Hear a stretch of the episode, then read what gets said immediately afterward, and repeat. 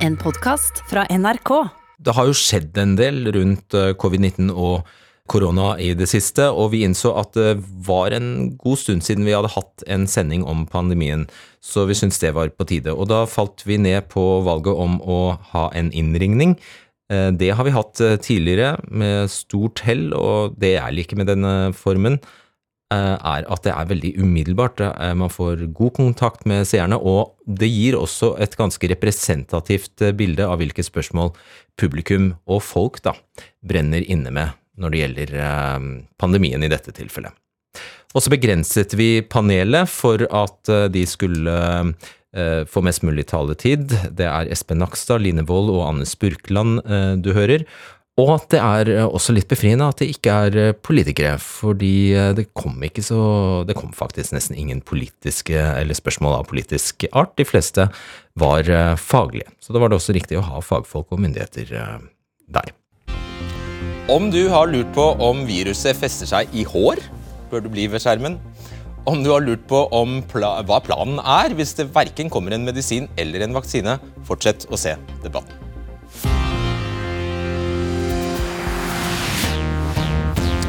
Og så vil jeg gjerne starte med å takke så mye for alle gode spørsmål. Vi får jo ikke plass til alle, men vi har forsøkt å gjøre et eh, skjønnsomt utvalg, og vi tror at du skal sitte igjen litt klokere når vi er ferdige her i kveld. Og så har vi et panel som skal kunne besvare spørsmål om ja, alt fra hvorfor det bare er 35 døde i fattige Vietnam med nesten 100 millioner mennesker, til om studentene kan ta buss, tog eller fly hjem til jul, og ikke minst når billettene bør bestilles. Det panelet består av deg, Espen Nakstad, folke... Nei, nå skal Helsedirektoratet. Dårlig start her. Line Wold, Folkehelseinstituttet. Sånn. Og Anne Spurkland. Eh, ja, du kan nesten professor og, eh, og lege. Lege. og kan det meste om dette viruset som er verdt å vite. Er det en grei introduksjon? Ja, det er greit. du lever med den. Kjempefint. Greit. Skal vi bare sette i gang? Da eh, går vi til første innringer i kveld, og det er Jon Gudbrand Fliflet, jurist fra Oslo. Hva vil du spørre om? Det jeg lurer på er, eh, gitt den gode testkapasiteten om dagen, vil man vurdere å erstatte en tidagers karantene med negativ test etter at man har vært på hytta i Sverige, eller besøkt familie i Norden eller utlandet for øvrig? Godt spørsmål. Nakstad, vil du forsøke? Jeg kan si at eh, Vi jobber veldig med disse karantenereglene nå, og tilpasser det også til Europa. Eh, Og Det med hyppig testing og måter å sikre seg at man eh, unngår smitterisiko på, er noe av det vi ser på. Men nøyaktig hvordan det vil bli, det er ikke bestemt. Og så er det sånn at Denne sykdommen kan faktisk brute ut i løpet av 14 dager. sånn at Selv en negativ test vil ikke kunne avgjøre at du ikke er smittet. sånn at vi må tenke litt på disse tingene og fortsatt være forsiktige når vi tenker på det med karantene. Men det Fliflet vel er inne på, er at det ble oppfattet som et slags løfte at uh, bare man kom i gang med denne hovedstrategien, som var testing og sporing, og, og sånt, så skulle man kunne lette på karantenereglene. Ja, og Det er lettet veldig på. fordi Nå kan du komme til Norge for å jobbe. og Da er det holder det med én test som er negativ, så kan du begynne å jobbe. Men har fortsatt fritidskarantene f.eks. Så det er gjort veldig mange unntak fordi du kan teste. Men eh, det er fortsatt sånn at det er en risiko hvis du har vært nær kontakt med noen som er syk, for at du kan bli syk i løpet av 14 dager. og Derfor er hovedregelen fortsatt 10 dagers karantene. Alright. Eh, da skal vi snakke med Movshemi Sivanantan. Jeg håper jeg uttalte det sånn noenlunde rett. Du er student fra Harstad og er 23 år. Hva er spørsmålet ditt? Ja, eh, jeg opplever det at smittevernreglene praktiseres ulikt ved ulike universiteter og høyskoler i Norge. Og da lurer jeg på hvilke retningslinjer er det man skal følge, annet enn de generelle rådene om smittevern fra helsemyndighetene? Line Wold, vil du prøve det? Eh, Ja, eh, det er jo sånn at eh, universitetene kan jo legge opp til egne smittevernregler hvis de mener at det er hensiktsmessig, for det er lov å gjøre lokale vurderinger av det. Men, men de retningslinjene eller de rådene vi har, de ligger på våre nettsider, så de går det an å finne der. Og Hva er grunnen til at de kan gjøre som de vil? Nei, de kan, eh, de kan gjøre vurderinger ut fra lokale forhold som tilsier at det skal avvike noe fra de rådene vi gir. Vi kjenner jo ikke til de lokale forholdene rundt omkring i, i hele Norge, så det legges opp til at man kan gjøre lokale vurderinger. Hadde det ikke vært mer praktisk for alle, også elever og andre, om- det var helt likt? Nå er, dette, nå er dette som råd. Det er klart at det som er nasjonale nedfelt i forskrift og er, gjelder nasjonalt, det gjelder jo nasjonalt. Men akkurat når det gjelder råd til hvordan man skal håndtere det på, på skoler og universiteter, så har vi noen generelle eh, retningslinjer og råd. Og så er det noe som man kan justere på eh, lokalt ut fra lokale forhold. Ja. Da skal vi ha med oss Dennis eh, Berkert. Håper det også ble uttalt som noenlunde rett. Du er student og bor i Lindesnes. Hva er ditt spørsmål, Dennis? Ja, hei.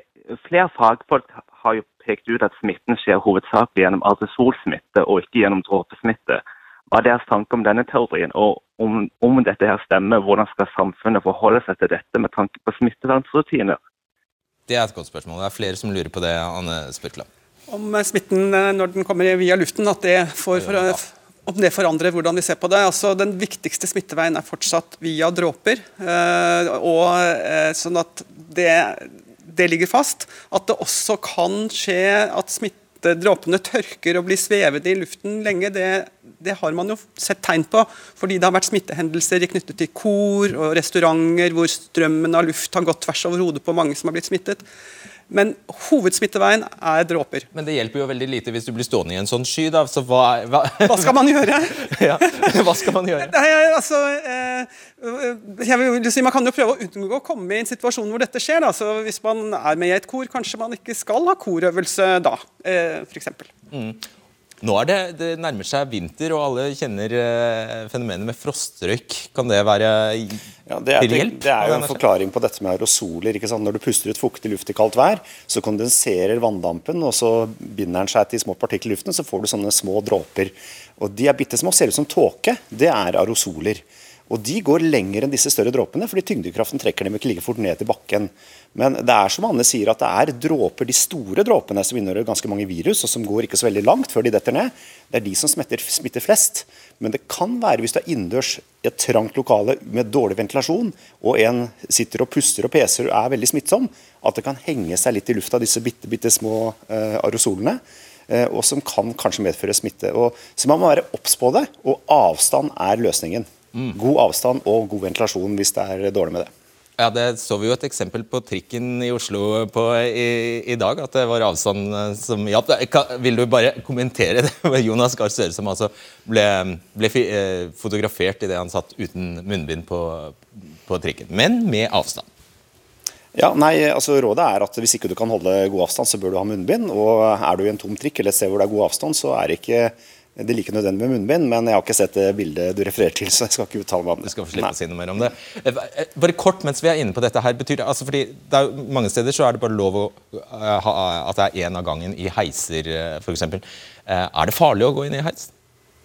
Nei, i utgangspunktet er det ikke farlig å gå inn i, i heis, men, eh, men, det er klart at hvis du eh, går inn i en trang, ja. mm. et, et, sted hvor det er trangt, det er forskjell på heiser, og det, du kommer nær innpå og ikke klarer å holde avstanden, så er jo det uheldig. Så da ville jeg venta på neste heis. ja, Greit. Eller gå trappa, da. Mm. Ok, Vi skal ha med oss Victoria Spange. Du er 20 år og musikkstudent i Bergen. og Hvis jeg har forstått det rett, så Eh, har du tatt deg en liten pause fra korpsøvingen, sånn at du får stilt et spørsmål til panelet i kveld? Hva vil du spørre om, Victoria? Ja, det stemmer. Eh, jeg lurer på hvordan det blir for studenter i jula. Får man lov til å reise hjem med buss, tog eller fly for å feire jul med familien, eller fraråder dere det? Det er ikke så lenge til. Det kan man gjøre, men må følge de samme reglene som alle andre som er ute på reise. Og ikke legge ut på reise hvis man er syk. Da bør man holde seg på hybelen til man er blitt frisk. Akkurat. Skal man bestille billetter allerede nå? Er det smart? Ja, altså Dette må man gjøre og planlegge sånn som man vil. og De fleste er fornuftige mennesker i Norge, også studenter, så det tror jeg går veldig bra. Takk skal du ha. Sara Sjeloen Vatn, du er 15 år, er fra Røyken i Asker kommune. Hva er ditt spørsmål? Er det stor sannsynlighet for at skolene stenges både barneskolen, ungdomsskolen og videregående? Og hvor sannsynlig er det med ny lockdown? Takk skal du ha. Vold? Nei, eh, det er ikke veldig sannsynlig at vi må stenge barneskoler og barnehager eh, igjen. Det tror jeg vi kan eh, slå fast her og nå. For det har kommet mer kunnskap nå enn vi hadde også om dette med barn og smitte. Og vi ser i de nye oppsummeringene av kunnskap som vi gjør fortløpende, og nytt fra andre land også, at det er lite smitte mellom barn også. Mm. Og nå inkluderte du videregående i svaret ditt? Nei, det er jo sånn at jo eldre barna blir, og over i ungdom og, og, unge voksne, så er det en litt annen situasjon. Så det er uh, først og fremst i barneskolealder og, og, og, barnehagealder hvor vi har ganske solide holdepunkter nå for at det skjer lite smitte mellom disse barna. Da. Faktisk en tolvåring som skrev inn og lurte på om det kunne bli aktuelt med hjemme, hjemmeskole igjen, Nakstad. Nei, altså, sånn som systemet er i Norge nå, så er det jo hvis det er et smitteutbrudd på en skole skole eller en klasse, så vil man jo gjøre noe med det. Men eh, det å stenge forebyggende fordi det er smitte i en kommune, men ikke på en skole, det vil man ikke gjøre. Så dette er jo en del av planen. Men det er klart at ungdommer, og særlig de som bikker opp mot 20-åra og er studenter, de troner jo på toppen av statistikken etter hvert over hvem som er smittet i Europa. Sånn at Det er jo fordi de har milde symptomer. De ligger ikke under dyna. De går ut og treffer venner og er veldig sosiale og blir ganske smittsomme. Sånn at Det er viktig at man tenker på det når man er i ungdomsårene og i studietiden. Da. Da skal vi til Bergen, og deg, Henrik Isdal, du har et spørsmål som jeg er sikker på det er mange som lurer på. Ja, Hva er forskjellen mellom eh, covid-19 og vanlig sesonginfluensa? Eh, spesielt med tanke på dødstall og de utsatte risikogrupper. Ja, Spurkeland, hva vet vi om det nå? Eh, forskjell på sesonginfluensa og covid-19. Eh, ja, sesonginfluensa er eh, ikke så farlig som covid-19. Så hvis du ser på tallene f.eks. fra USA, de har de mistet 220 000 mennesker snart. Eh, men i den sesonginfluensa perioden som eh, i nyere tid har vært verst, 2017-18, eh, da mistet de ca. 65 000. Så de er allerede nesten firedobling fra da. Så, eh, så, så dette, dette, er verre. Dette er verre, Men hva er da årsaken, tror du, og dette vet jeg ikke er et rent faglig spørsmål, men hva tror du er årsaken til at de er så veldig standhaftige, disse som insisterer på at dette bare er som en influensa? Det er mange av dem som mener det.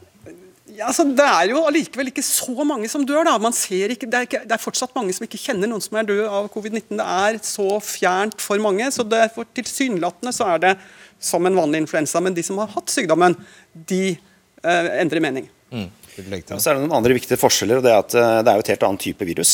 Eh, ingen har blitt eksponert for det før. Ingen har, er vaksinert mot det. Eh, ingen har hatt det før.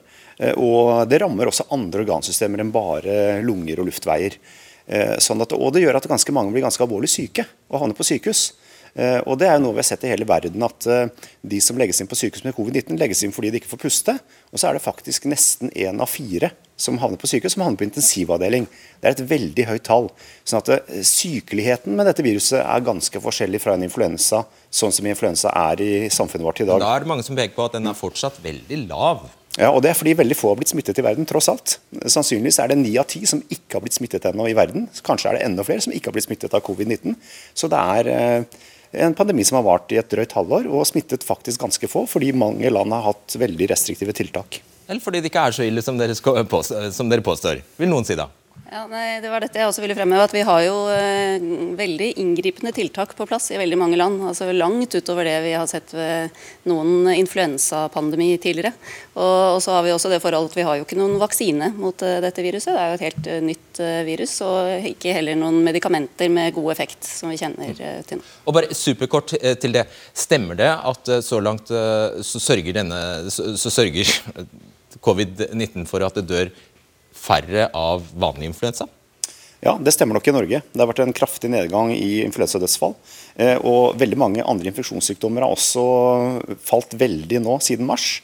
Og vi ser også noen gunstige effekter eh, faktisk på andre sykdommer også. Eh, men land som er rammet hardt av covid-19, der ser vi en overdødelighet.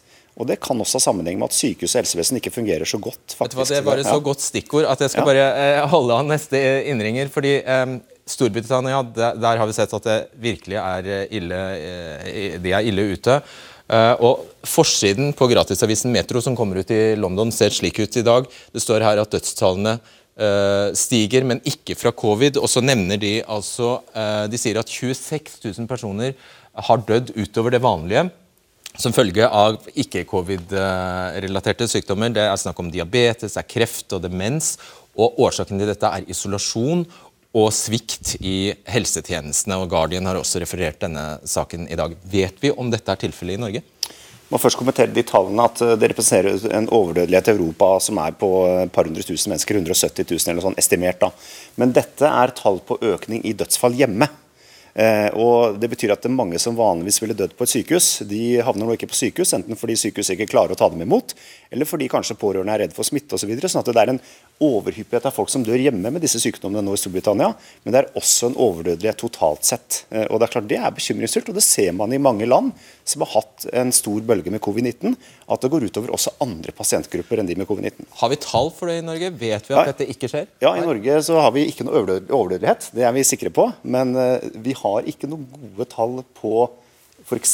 kreftsykdommer som dette er. Og hva, hvordan jobber man for dette? er jo viktig. Hvordan jobber man for å finne Ja, Vi eh, har jo et dødsårsaksregister ved Folkehelseinstituttet, og vi gjorde en midlertidig oppsummering for perioden eh, mars til mai for ikke så lenge siden. og Da eh, så vi at det ikke var overdødelighet eh, i Norge. Og så vil, Det var en midlertidig oppsummering, så vi gjør jo en grundigere oppsummering også. og Den eh, pleier vi å gjøre én gang i året. Og så har vi også ja, Når kan de neste tallene være klare? De vil gjøres opp eh, om en stund, når året er omme antagelig, da. Ikke før jul. Nei, ikke Nei. før jul. Og så har vi også en løpende overvåkning, eh, noe som heter NordMomo. Vi er del av et europeisk nettverk, Euromomo. Vi også overvåker dette med totaldødeligheten i befolkningen, for å se om vi har høyere dødelighetstall enn eh, årene i forveien. da. Men du tror ikke at vi kan få et sjokk her når, når vi går inn i det nye året? Mm, eh, Så langt så er ikke totaldødeligheten høyere enn det den pleier å være i Norge. Eh, Det vi Men at flere er- eksempel lider en så fæl skjebne som dette er, da, og dø hjemme av disse sykdommene? Ja, så Det vi er opptatt av, er å gå grundig inn i tallene, og det gjør man når man går, gjør opp disse dødsårsaksregistertallene. Jeg tror I alle land så vil vi se effekter av denne pandemien på andre sykdommer, andre sykdomsgrupper. Folk som kanskje fikk forsinket eh, utredning eller oppfølging. Det vil vi nok se. Men i Norge så kom sykehusene fort i gang igjen i sommer fordi vi hadde lave smittetall og var oppe på normal drift eh, fra høsten av. Eh, Sånn at mye av etterslepet har allerede blitt tatt igjen, i motsetning til mange andre land i Europa nå, hvor etterslepet ikke er tatt igjen. Så Det er nok den viktigste faktoren. Da, Lars Olav Farstad fra Oslo, vær så god. Hva vil du spørre panelet om? Ja, jeg lurer på om det i Norge er registrert noen som har blitt smitta to ganger av korona? Ja, hvem vil svare, kan og vil svare på det? Det kan godt hende at det er det, men ikke oss bekjent. Ikke registrert i våre register. Men vi har jo ikke, det er jo fortsatt sånn at det er noe, noen som, ikke, som blir syke eller smittet og ikke registreres mm. hos oss. Så det, det kan hende. Det Men kan det er, vi antar at det er sjelden. Og vi sier jo at etter at man har gjennomgått en infeksjon, så regner vi med at man er beskyttet i seks måneder etterpå, ut fra den kunnskapen vi har eh, nå. Ja, Det er flere som spør om disse tingene. Ja, nei, altså Man har jo prøvd å telle det opp og følge med i verden. og eh, Det er helt nylig publisert en liten oversikt over det. og Da var det 13 personer man positivt visste hadde blitt smittet for annen gang, hvor man så at viruset var annerledes enn første gang.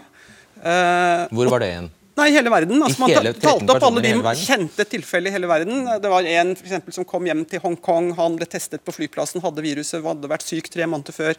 En annen som har blitt lagt inn på nytt, syk for annen gang. Og, og disse 13 tilfellene, der var det noen som eh, ikke ble så syke, noen ble like syke, og noen ble litt mer syke. Så foreløpig er 13 veldig få.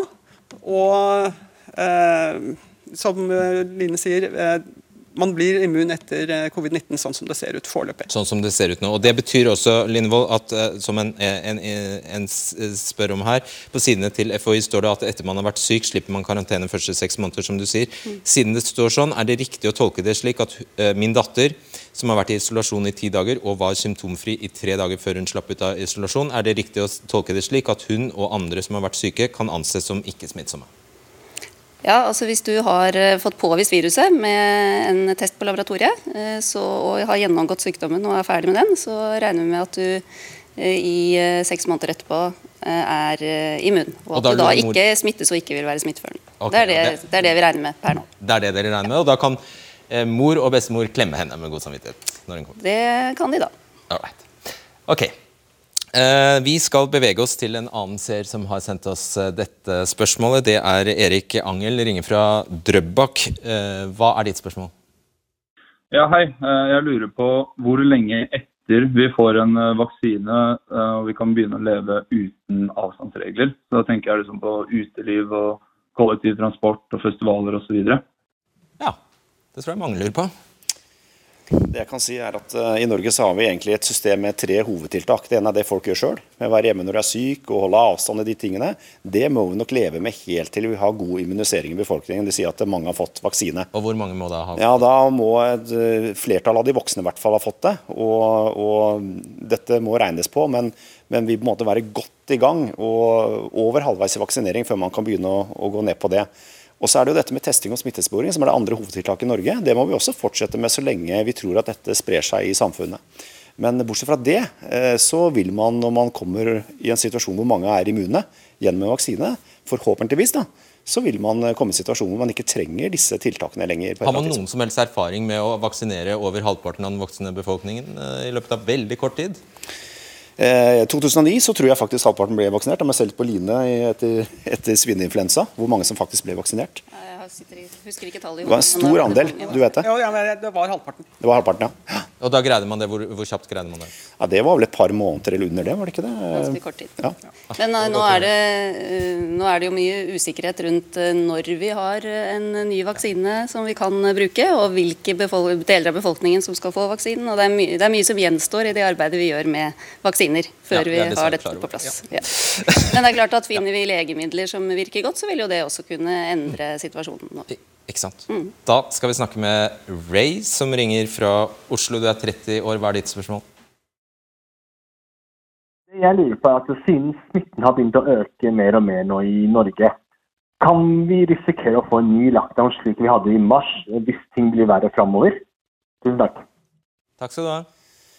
Eh, foreløpig så har vi god kontroll i Norge. Vi har ganske mange smitteutbrudd. Vi har veldig mange kommuner som har smitteutbrudd, men de er ganske små. og Kommunene er utrolig flinke til å få kontroll på det. og Laboratoriene analyserer masse prøver, og, og sykehjem og sykehus er veldig flinke til å skjerme sine pasienter. Så Foreløpig går det bra. Men det er klart, vi er nesten det eneste landet i Europa nå som ikke har en ganske kraftig stigning. Eh, og det er klart, vi kan komme etter. Så sånn at Det er derfor vi jobber så hardt nå for å prøve å sørge for at folk holder ut. Eh, fordi det gir en veldig god gevinst hvis vi ikke må innføre flere tiltak enn det vi har. Så Det er jo det som er målsettingen med alt det arbeidet som gjøres i Norge. Mm. De, hele strategien nå er jo nettopp å, å oppdage utbrudd tidlig, eh, som Espen henviser til her, og så eh, håndtere de der de er. Så Da får man lokale tiltak som virker lokalt der hvor, hvor det skjer utbrudd, istedenfor å ha disse generelle nasjonale tiltakene som er inngripende og påvirker oss alle. Jeg tror eh, Ray, at vi oppsummerer svarene her med at uh, vi håper i det lengste. Ja. Da tar vi inn eh, Felix Midbrød Elnan fra Oslo, 24 år. Hva er ditt spørsmål? Hei. Ehm, nå kan det hende at personer i risikogrupper og folk i helsevesenet kan vaksineres i løpet av første halvdel av 2021. Jeg lurer på hvilke tiltak som kan dempes som en følge av det, og hvor langt må vi komme i vaksinasjonen før vi kan dra på konserter som vanlig og reise utenlands. Hmm. Da tror jeg svaret er at det må vi vente og se. Eh, og vi må følge nøye med på smittesituasjonen eh, fremover for å se hvor høye smittetall vi da har, og i hvilke befolkningsgrupper og hvordan smitten sprer seg på det tidspunktet. Så det er litt tidlig å forskuttere. Er det det sist innførte som løft, lettes først? Ikke nødvendigvis. Det vi får mer og mer kunnskap om, er jo Eh, hvor eh, smitte skjer og hva som er effektive tiltak. Sånn at eh, Forhåpentligvis så klarer vi å på en måte justere tiltakene til å være mest mulig virksomme og minst mulig inngripende ettersom tiden går. Mm. Henriette Bergsjø, du er 41 år og ringer fra Bærum. Hva lurer du på? Hei. Vi hører om smitte, smitte, smitte. Hvorfor hører vi ikke heller om antall syke istedenfor antall smittede? Det er fordi ja. ja. det kan jeg si eh, litt om. Eh, vi, eh, vi teller jo de smittede også, fordi det er jo en del uten symptomer, altså folk som ikke er syke, da, som tester positivt og som er, kan være smittsomme selv om de da ikke er syke. Så vi registrerer antall smittede i våre systemer. og, og de kan ha, Enten kan de ha symptomer eller veldig lette symptomer, eller de kan hende de ikke har noen symptomer. Så, så du sier egentlig at det er fordi det er vanskelig å stadfeste når folk er syke? Ja, vi er jo interessert i å, å, å, telle de som er smittet, for det er det som gir oss eh, best oversikt over epidemien. Og så er vi i tillegg selvfølgelig interessert i sykdomsbyrden, så vi er interessert i å registrere også kliniske symptomer og se på hvem som er syke og hvem som er alvorlig syke. Og vi registrerer også sykehusinnleggelser og, og, dødsfall for å få et oversikt over den totale sykdomsbyrden. Mm. korte oversikten fra de som er smitta i Norge, er jo at uh, av alle som tester positivt, så er det 10% som ikke har symptomer oppgitt når de tester positivt. Og så er det 75% som faktisk har symptomer, vil si at de er syke. Og så er det 15% man ikke helt vet, men det betyr at de fleste er syke når de tester seg. Mm. Vi hopper videre til Dyveke Willoch, 49 år fra Strømmen. Hva lurer du på? Jeg har et spørsmål eh, for oss familier som har eh, barn annenhver uke. Når det er plutselig et barn i karantene eller luftveissymptomer, om de skal få bli der hvor de er, eller om de skal Ja, vi trenger rett og slett noen føringer eller råd hvordan håndtere det. Mm. Hvem av dere det er, det er, litt situasjonsavhengig. Hvis man bor veldig nærme og kan spasere på en måte til det andre hjemmet man har, så kan man gjerne gjøre det. Eller hvis eh, den man bor sammen med kan kjøre deg dit. Men det er klart da vil det få konsekvenser for den andre forelderen som da får syke barn inn i huset. Eh, hvis man forutsetter at de ikke bor så nærme, da? Ja, ja da da blir det vanskeligere. Men, men, det som i hvert fall er viktig, det er jo da å ta denne covid-19-testen. Eh, hvis man har symptomer, og i hvert fall utelukke det. Og, og, så kan det være tilfeller om man faktisk må flytte på seg i Norge med bil eller andre transportmidler. Men eh, da er det viktig å teste seg, og det er viktig å bruke munnbind og være forsiktig og planlegge det godt. Jeg tror jeg prøver er, de, er hele gjengen da en nærkontakter? Hvis vedkommende har covid-19, så skal jo vedkommende isoleres, altså den syke isoleres, og da bør man ikke flytte på seg. Eh, så man bør utelukke covid-19, og så bør man helst bli frisk før man flytter seg. Det er egentlig den grunnregelen. Akkurat. Da er det, tror jeg vi prøver å kalle opp Jan Trygve Odden, 69 år, du bor i Hokksund. Er du der? Ja, ja jeg er her. Uh, hvorfor har land som Kina, Taiwan og også afrikanske land så få dødsfall av covid-19 i forhold til vestlige land? Ja, det er et interessant spørsmål. Ja, det kan jeg si litt om. Uh, hvis vi tar Afrika, så er jo det et land, eller et land, det er et område hvor helsevesenet ikke er så veldig bra. slik at De har jo kanskje ikke full oversikt over hvordan smitten har bredd seg. så Det er én grunn til at det ser ut som det er få smittetilfeller der. Men å telle døde, det kan det jo. Telle døde kan det gjøre, men eh, det kan også være vanskelig i et land hvor det ikke er god helsetjeneste. Eh, og, men et viktig punkt er jo at det, gjennomsnittsalderen i mange afrikanske land er lav. slik at, eh, og det, De som rammes spesielt av covid-19, er jo de eldre. slik at det kan kanskje være en viktig årsak også til at afrikanske land tilsynelatende kommer såpass greit ut av det. Land som Taiwan, som går for å ha klart det veldig godt. Eller for så vidt Vietnam. Der, ja, Japan. altså Det er flere asiatiske land. Eh, det er jo oppsiktsvekkende. Eh, og mitt inntrykk er at det kan ha noe med hvordan de har forholdt seg til smitte generelt over lang tid. Altså I Japan så bruker man jo munnbind på toget selv om det ikke er covid-19-pandemi. Det er høflig å gå med munnbind. Og, og, jeg tror kanskje at det er noe av bakgrunnen. Og nå vet vi altså at det i Kina er nesten tilbake til eh, normalen. Eh, det er jo helt forbløffende. Hvorfor kan ikke vi bare ta den løsningen og gjøre det samme her? Jo, det har vi nesten gjort i Norge. og New Zealand er et annet eksempel, ja. hvor de har lange perioder uten smitte i det hele tatt, og hvor man nå kan gå på rockekonsert med 30 000 publikummere. Og Grunnen til det er at de har satt i verk tiltak tidlig fått smitten veldig lavt ned. Det klarte vi i Norge også. I sommer var det utrolig lite smitte i Norge. Kun tre personer innlagt på sykehus i Norge med covid-19. Og det fløt vi veldig godt på, selv om veldig mange begynte da å ikke følge disse reglene kanskje i sommer. Men hvorfor tar vi ikke da en skikkelig hestekur Nei, nå i noen uker, da, og så blir vi kvitt det? Er noe, det Anna er inne på. noe av det Anna er inne på. Da må alle gjøre det og etterlevelsen være veldig god. Og I Europa så er nok ikke etterlevelsen Alle europeiske land, mener du? Ja, altså Vi er, har naboland ikke sant, som påvirker oss mye mer enn det gjør på New Zealand, som er en øy. Og, og, og så må etterlevelsen også i landet være ekstremt god. Og etterlevelsen f.eks. i Japan og de landene du nevner i Asia har nok vært veldig god, og på riktig tidspunkt. I Norge var den også veldig god, og vi fikk veldig lave smittetall. Ja, Men Kina men, har jo ikke annet enn naboland. Vi ja. har tre. De er eh, pliktoppfyllende og gjør som det blir fortalt. Så det, det er nok et litt ja. annet regime og en litt annen kultur for å, følge, for, å, for å, kunne følge tiltak, selv om det er høy tiltaksbyrde i land ja, som men treng, Kina. Man trenger jo da tydeligvis ikke å være et diktatur for å få det til? Nei, men New Zealand er en øy, og det er veldig mye enklere for uh, å implementere tiltak der. Men og, Det lignende har jo vært gjort på Island, hvor man også hadde Eh, obligatorisk testing ved ankomst f.eks. Men eh, der ser vi jo nå at eh, smittetallene har gått veldig opp. Mm. Men jeg håper at dere er nysgjerrige på det som skjer i disse landene. Det er klart vi er, vi følger ja. nøye vi har, med. Vi har lært mye av det. fordi vi har lært at dette viruset på ganske, kort, på ganske kort tid kan slås veldig ned. Og at det er veldig gunstig for samfunnet. Så det har vi lært. Det lærte vi allerede i februar av Kina, i Wuhan. Og lokalt gjør vi jo litt det samme i Norge nå. Sant? Når vi får utbrudd lokalt, så settes det i verk tiltak eh, der som slår ned eh, utbruddene. Og det har veldig mange kommuner jobbet hardt med nå og klart godt. Ian McCracken fra Sandefjord, hva er ditt spørsmål? Ja, god kveld. Jeg lurte på langvarige symptomer. Se for deg to 45 år gamle menn med god helse. De har samme etnisitet, bor i samme by og har samme type jobb. Begge får covid-19 og må ta samme behandling. En får milde symptomer og blir frisk etter en uke. Den andre dør nesten av pusteproblemer, lavt oksygenopptak og er ikke frisk igjen etter tre måneder.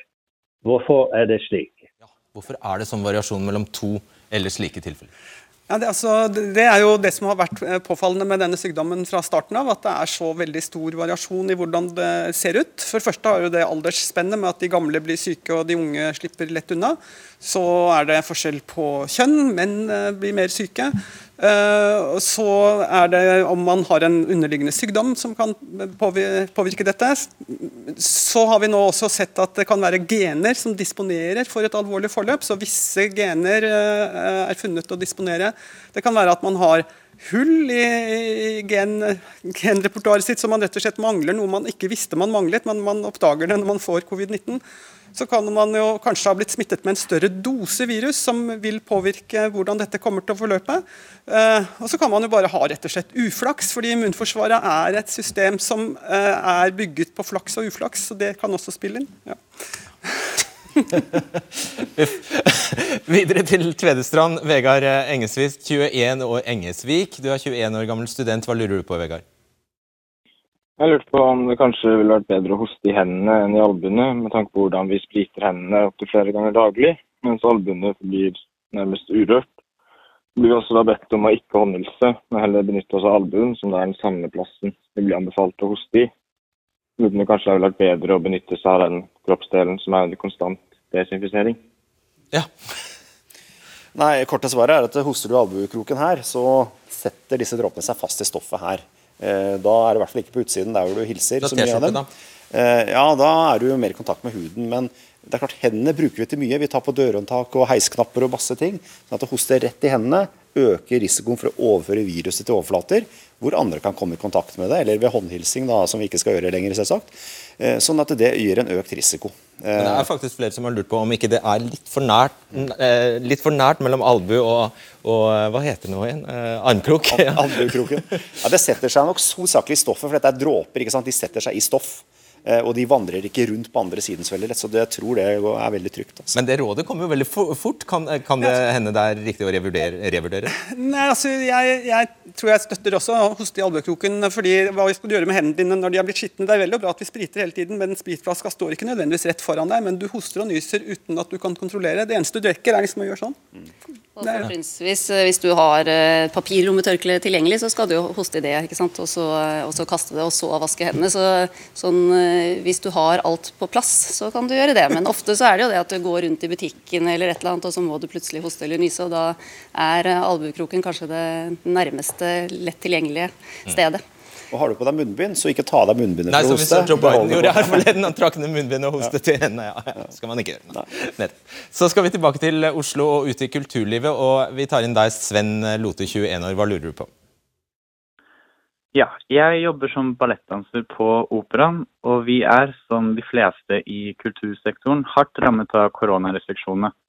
Eh, jeg sliter med å forstå hvorfor det maks kan være 200 publikummere hos oss, når vi vet navn, telefonnummer, e-postadresse på alle som kommer eh, til oss. Og i tillegg så har vi nummererte seter, så vi vet, nøyaktig hvor i salen folk har oppholdt seg. Hvorfor kan vi ikke utnytte kapasiteten bedre når alt er tilrettelagt for god og effektiv smittesporing? Annet enn å svare. Prøv å ikke svare at det er totaliteten av tiltak som gjelder nå. Nei, det jeg kan si er at det er lagt planer for hvordan dette skal eh, lempes og økes. Eh, men det er også veldig avhengig av smittesituasjonen, ikke minst i Oslo by. Eh, og det er jo nå lempet for de fleste kommuner i Norge, utendørs i hvert fall, til 600 publikummere i tre grupper. Altså tre ganger 200. Så at dette er et skritt på veien, og ingen ønsker dette strengere enn det trenger å være. Spørsmålet er godt? Spørsmålet er veldig godt. Og, og Dette er ting som hele tiden fortløpende vurderes. så det er klart, Vi må hele tiden vurdere både effekten av disse tiltakene, men også på en måte om de rammer utilsiktet. og Det er en kontinuerlig jobb som vi gjør. Og så er det, jo, det er jo noe med at Ved arrangementer så er det jo ikke bare akkurat arrangementer hvor man eh, treffer hverandre. fordi Det kan være greit å holde avstand med nummererte seter og, og alt dette på plass. Så, så er jo ikke det Da Det framstår det ganske enkelt. sant? Det er dokø, det er inn og ut av lokalene, det er bussen til og fra hvis det er sånne veldig store arrangementer. Eller kanskje hvis det er fotballkamper, så er det kanskje fotballpubtreff i tillegg ved siden av. Så det er liksom eh, Det er et større bilde også mm. som spiller inn. Nettopp. Lars Martin Reitan fra Bjørkmyr, et stykke utenfor Trondheim. Du er 61 år og er med oss. Hva er eh, ditt spørsmål? Uh, ja, eh, vi blir jo anbefalt å ha minst én meters avstand hele tida for å unngå smitte. Og Da lurer jeg på hvordan kan Folkehelsein- Folkehelseinstituttet forsvare at det er greit at vi sitter skulder mot skulder, dvs. Si siden av hverandre på buss og trikk i Trondheim. Gjelder ikke enventersregelen da? Og I min verden så er jo det at dess nærmere du sitter, dess større sjanse er det for å bli smitta. Takk for det spørsmålet. Vær så god, FHI. Ja, nei, det, det beste er selvfølgelig å holde avstand, og det skal man gjøre hvis det er mulighet til det. Eh, Men eh, det er gjort noen praktiske tilnærminger her eh, også. og det er klart at Hvis man sitter i seter og sitter med ansiktet samme vei og for en kortere periode, så er det mindre risiko enn hvis man kanskje står tett oppi hverandre. Og så er jo rådet nå at du skal bruke munnbind hvis det er mindre enn én meter fra hverandre. Hvis man er nødt til å være mindre enn én meter fra hverandre og det er trengsel. Særlig da i disse områdene med mer, eh, høyere smittetall, sånn i Oslo. Så det gjelder jo ikke i Trondheim. Men, eh, men i områder hvor det er høyere smittetall, så er dette et råd. Så du skal alltid sitte for, eh, eh, bare i, en, bare i kjør, kjøreretningen? Er det det som er Aldri sett til siden? Aldri sett siden. Nei, vi har ikke noe råd om det. Ellen Engelstad, du er med oss fra Sverige. Hva lurer du på? Eh, Ja, jeg lurer på, EU lemper nå på reiserådene innad i Europa og åpner for karantenefri reise til såkalt grønne og oransje regioner. Eh, Kommer Norge snart til å gjøre det samme? For da kunne vi reist karantenefritt til andre nordiske land, Tyskland, Italia og Hellas, land som har ca. samme smittenivå som oss. Vi prøver et litt kjapt svar på det. Ja, nei, Det jobbes veldig med den problemstillingen. eh, Og vi går gjennom alle sider ved karantenebestemmelsene om dagen. Sånn at eh, det kommer en anbefaling til regjeringen på det etter hvert. Med råd fra FHI og alle de andre som er involvert. Hva snart, hva betyr det? Nei, altså her snakker vi om hvor mange dager og uker eh, dette tar, det vet jeg ikke. Men det er mye som skal jobbes med. Men det er i en prosess, kan jeg si. Jeg vil ikke si noe dato. Hva, hva, hva er det du ser for deg, da? Nei, her, altså, Det grunnleggende her er at vi ønsker at folk skal kunne bevege seg. altså EU ønsker det. Man skal bevege seg i Europa fri, friest mulig, men uten at det øker smitterisikoen vesentlig. Det er det man jobber ut fra i alle land. Og Hvordan Norge vil gjøre dette, her, det blir jo en regjeringsbeslutning til slutt. Ah. Ja, igjen. Kan, vil Ellen få det som hun vil? Eh, vi håper at alle som kan reise på en trygg måte uten at det medfører smitterisiko etter hvert, kan gjøre det. Men eh, jeg kan Ja, nei, ikke si noe mer i detaljer om det. Vi satte jo noen kriterier eh, for en stund tilbake som vi var enige med etter diskusjonen med de andre nordiske landene. og De kriteriene er jo også under vurdering. Og så har EU-kommisjonen nå foreslått andre grenser enn de vi opererer med. Og så jobber vi med et oppdrag for å se på om vi kan tilnærme oss den løsningen EU skisserer. Hvor det også da eh, regionsmessige vurderinger ellers i Europa, sånn som vi har gjort i, i Norden. Og hvor eh, kriteriene da blir litt endret om man får grønne land, oransje land og røde land. Litt avhengig av både smittetallene og hvor mange som tester positive av de som testes. Da rekker vi Wasi Nakvi, du ringer oss fra Kolbotn. Hva lurer du på? Eh, Jeg lurer på hvorfor er det nødvendig med karantener til andre nordiske regioner, når vi ikke må i karantene etter en tur fra f.eks. Trondheim til til Oslo, som er en rød by smittemessig. Hvor mye har det å si for eh, smittespredning? Det var vel egentlig det du var inne, eh, på her, Vold, at eh, man har kanskje erkjent at det ikke er helt logisk?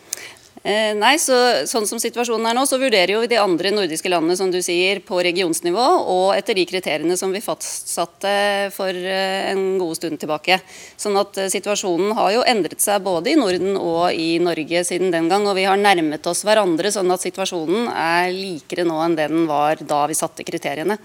Og så Når det gjelder vurdering av regioner innad i Norge, så er det jo sånn at vi vi kjenner smittetallene og smitteforholdene i Norge bedre enn det vi gjør i andre land. Sånn at vi, kan, vi vet mer om smittesituasjonen og kan si litt eh, med større trygghet av hvor smitten skjer hen. Eh, så Det spiller også inn i de vurderingene vi gjør. sånn at Derfor så har vi ikke innført eh, det her med rød og grønn og gule farger som vi opererte med en stund. Det ble ikke innført innenlands i tillegg. Vi rekker to spørsmål til hvis vi er litt kjappe. Spurkeland.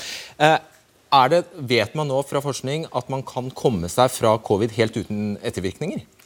Ja, det, De aller fleste blir jo helt friske. Absolutt. Hvis det er det du spør om. At, uten noe som helst varige men? Uh, absolutt. De aller fleste blir friske av covid-19. Ja. Så bra. Ja. Kan man servere hjemmebakte julekaker på f.eks. julemarked? Er det tilrådelig? Ja, det kan du. Men uansett hva du gjør nå inn mot jul, og når det gjelder handling eller juleforberedelser, eller du skal reise hjem til jul, så må man følge de vanlige rådene. Vær hjemme når man er syk. Eh, holde avstand, håndhygiene og teste seg hvis man får symptomer. Og Gjør man det, så går dette veldig fint også inn i jula og langt ut på vinteren. Men eh, dette med mat er det mange som lurer på. Altså, hvis en, COVID, eh, en, person med covid, kanskje uten å vite det, da, mm. får man håpe, serverer mat til andre, det, kan det være farlig? Ja, hvis du er covid-syk, så skal du ikke servere andre mat. Da skal du være isolert eh, og langt borte fra andre folk. Og Er du ikke det, så går dette veldig fint. Eh, og, og det er ikke noe stort praktisk problem hvis man følger vanlige hygieneregler. Akkurat. Jeg håper dette var eh, nyttig, folkens. Torsdag er vi tilbake med en ny utgave av Debatten. Og det er alltid lov å kontakte oss om temaer på debattenkrøllehoffa.nrk.no. Ha en fin kveld.